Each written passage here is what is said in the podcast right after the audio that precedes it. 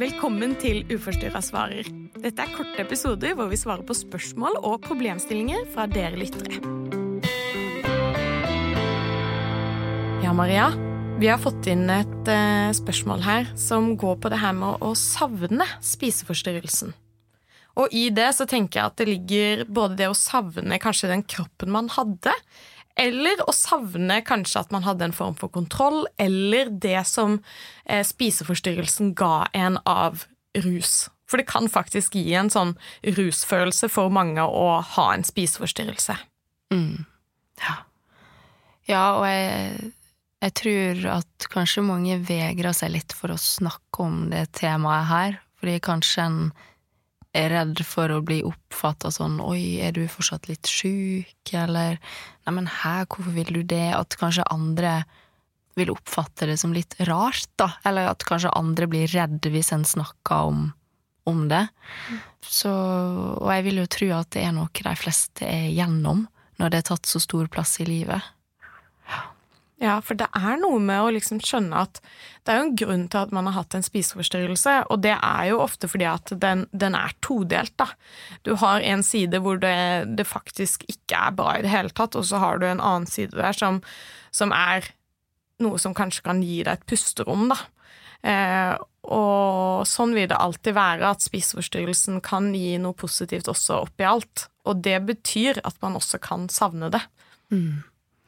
Og det er jo kanskje linka ganske sterkt til en identitet som en kanskje har hatt store deler av livet sitt. Jeg vet jo, jeg har jo snakka med, med flere mens de er på vei ut av spiseforstyrrelsen. Det er noe av det som faktisk holder dem litt tilbake, eller som de begynner å savne litt, er at sånn, de har alltid blitt sett på som den som er i så god form, eller trener så bra, eller eter så bra, og så merker de at når de på en måte beveger seg litt ut av det, der det på en måte er ei overopptatthet, ikke sant, så får de kanskje rett og slett litt mindre oppmerksomhet på det også, for at da blir de mer som en av de vanlige, som er liksom trener i passelige mengder, eter ganske variert, og så blir det kanskje et sånn men hæ, det Jeg har jo alltid vært den som har fått så mye anerkjennelse for at jeg er ekstra spesiell. Mm. Og så forsvinner den litt, da. Ja, jeg tror du er inne på noe som er veldig viktig der. Eh, det, det husker jeg iallfall veldig ut ifra min egen historie, at det var veldig sårt for meg å miste den delen av meg som var så opptatt av trening. Eh, og som kanskje alltid prioriterte trening hele tiden, eller hva jeg skal si. Eh, og så plutselig så var jeg ikke den personen lenger. Det var jo vanskelig, for da måtte jeg jo finne ut av hvem i huleste er jeg da. Eh, det har jeg ikke peiling på. og så er det noe med det du sier også, den, den, den oppmerksomheten man kan få. Og eh, det jeg også la merke til da, lenge etter at jeg var på på vei ut av eh, spiseforstyrrelsen og i tilfriskning, så husker jeg at det var mange ganger at jeg savna omsorg. Mm. Jeg savna den omsorgen jeg fikk av mamma og pappa, den ansvarsløsheten. Og det kan jeg til den dagen dag, i dag. Hvis jeg har det skikkelig vanskelig, så kan jeg bare tenke åh, kan jeg bare, bare bli syk igjen, og så kan mamma og pappa bare ta vare på meg. Fordi at jeg orker ikke dette livet. Det er så slitsomt. Mm. Ja. Og det tenker jeg jo også at veldig mange kan liksom tenke 'Å, herregud, så sykt eh, det er'. Men jeg tenker nei, det er egentlig ikke det. Det er liksom eh, Det er et tydelig svar på at ja, livet er vanskelig, og noen ganger så har man bare lyst til å ikke ha ansvar for noe. Mm. Og da kan spiseforstyrrelsen være noe av det man kan lengte tilbake igjen til.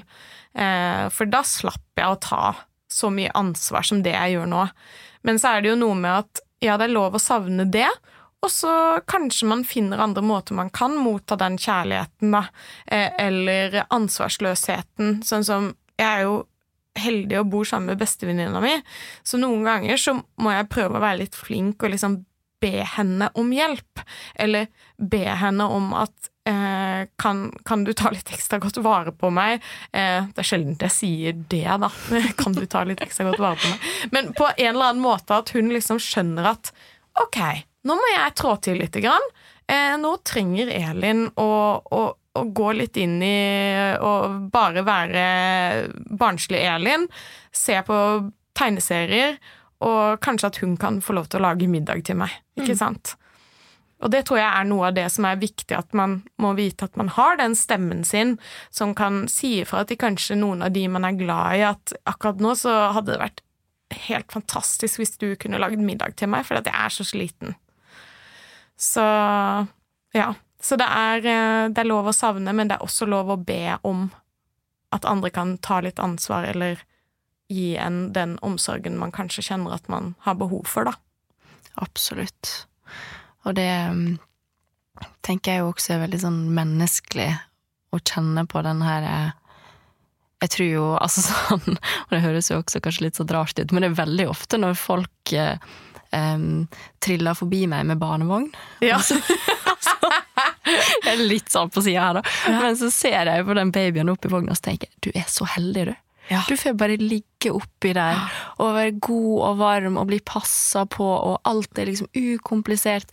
Mat er mm. ukomplisert, mm. søvn er ukomplisert. Nå sier jeg ikke at det trenger å være sånn, altså, men, mm. men det er på en måte så uskyldig, da. Og det er så En blir bare tatt vare på, på en måte.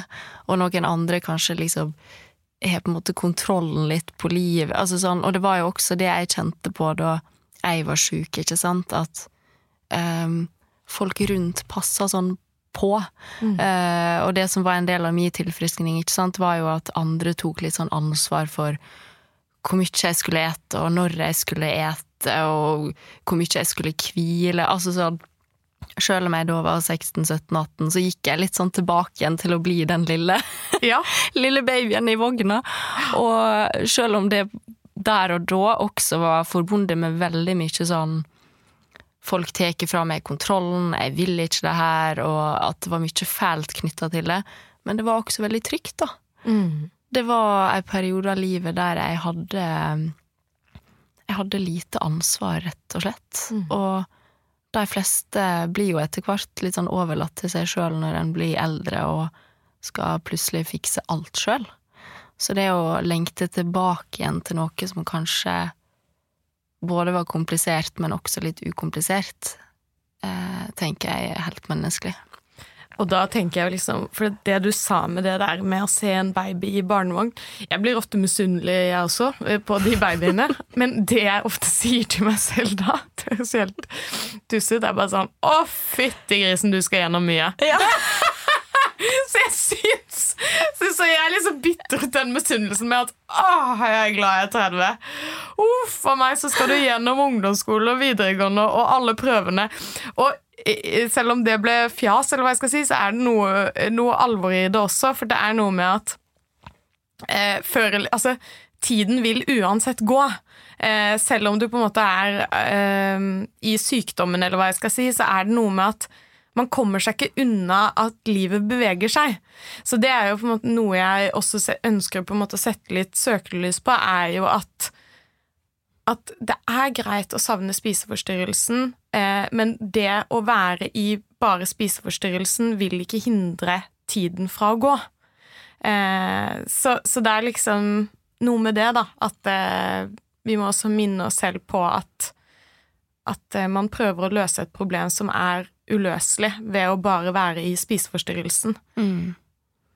Og, og, kanskje minne seg sjøl litt på For nå snakker vi vel litt sånn om at en har gitt slipp på en spiseforstyrrelse og kan savne den litt, og at hva, var, hva er det en ikke savner, da, eventuelt? Mm. Ikke sant? For mange kan jo ha sorg over en kropp som har forandra seg, ei vekt som har forandra seg, en identitet som har forandra seg. Altså, det er store ting, da. Men å tenke litt sånn Ok, hva det var jeg ikke liksom eh, likte med kroppen min da, for eksempel. Eller sånn, mm. Hva var det kroppen min hindra meg fra å gjøre mm. da jeg var sjuk? Um, hva ting er det jeg nå uh, kan gjøre som jeg da ikke fikk til å gjøre av spiseforstyrrelsen? Og det kan være ganske mange ting. Det kan jo. Kanskje en har fått tilbake matglede, at en nå faktisk kan nyte maten. Kanskje en eh, orker å være mer sosial. Kanskje en orka å være på jobb eller skole, som en ikke fikk til da. Eller som en kanskje fortsatt ikke hadde hatt hvis en fortsatt hadde hatt spiseforstyrrelsen. Mm.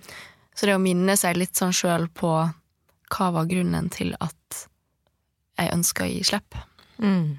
Det tror jeg er veldig viktig, å ta en liten check-in med seg selv. At ja, kanskje jeg savner å ha akkurat den kroppen, men hva, hva symboliserte den egentlig? Mm.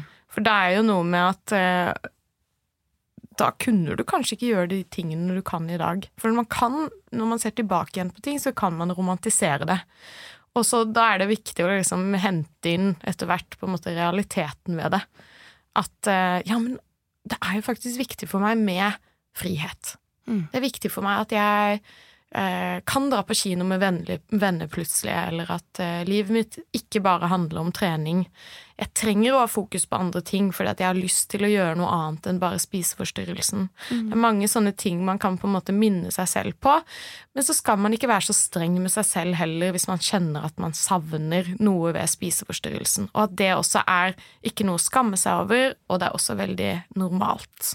Mm. En kan jo kanskje linke det litt opp imot at jeg tror ganske mange kan kjenne på å savne aspekt ved en ekskjæreste, for eksempel, eller savne minner ifra ei tid som var, eh, men det betyr jo ikke at en nødvendigvis vil ha tilbake den ekskjæresten, eller at en ikke har det bra med den kjæresten en har nå, ikke sant? Men at det er veldig lov å savne ting. Altså alt, eh, alt har sine utfordringer og, og positive sider, og det er jo veldig rart hvis en spiseforstyrrelse også ikke skulle ha hatt det. Mm, det tenker jeg også. Så helt sånn oppsummeringsmessig så er det jo det at hvis du kjenner på at du savner spiseforstyrrelsen, eller savner kroppen du hadde når du var i en periode av spiseforstyrrelsen, så er det jo noe med at ok, det er helt lov å kjenne på, eh, og så at man prøver å tenke eh, litt kritisk til det også. Ja, men hva var det jeg ikke kunne da? Og hva er det jeg ønsker med livet mitt? Hva er det jeg har lyst til? Og da kommer jo veldig mange fram til at å, jeg har lyst til jeg har lyst til å få meg kjæreste, jeg har kanskje lyst til å få meg en sånn og sånn jobb, jeg har lyst på en hund, jeg har lyst på en katt, eller hva søren det måtte være som man drømmer om, så ser man at spiseforstyrrelsen passer ikke helt inn i det bildet. Og det tenker jeg er en sånn viktig ting at man hele tida minner seg selv på at, eh, at eh, det er ganske mange andre ting man har lyst til, og da passer kanskje ikke den kroppen man tidligere hadde, inn i det bildet. Takk for at du lyttet til podkasten vår. Dersom du kjenner deg igjen, eller noen rundt deg, så kan du ta kontakt med oss på nettros.no.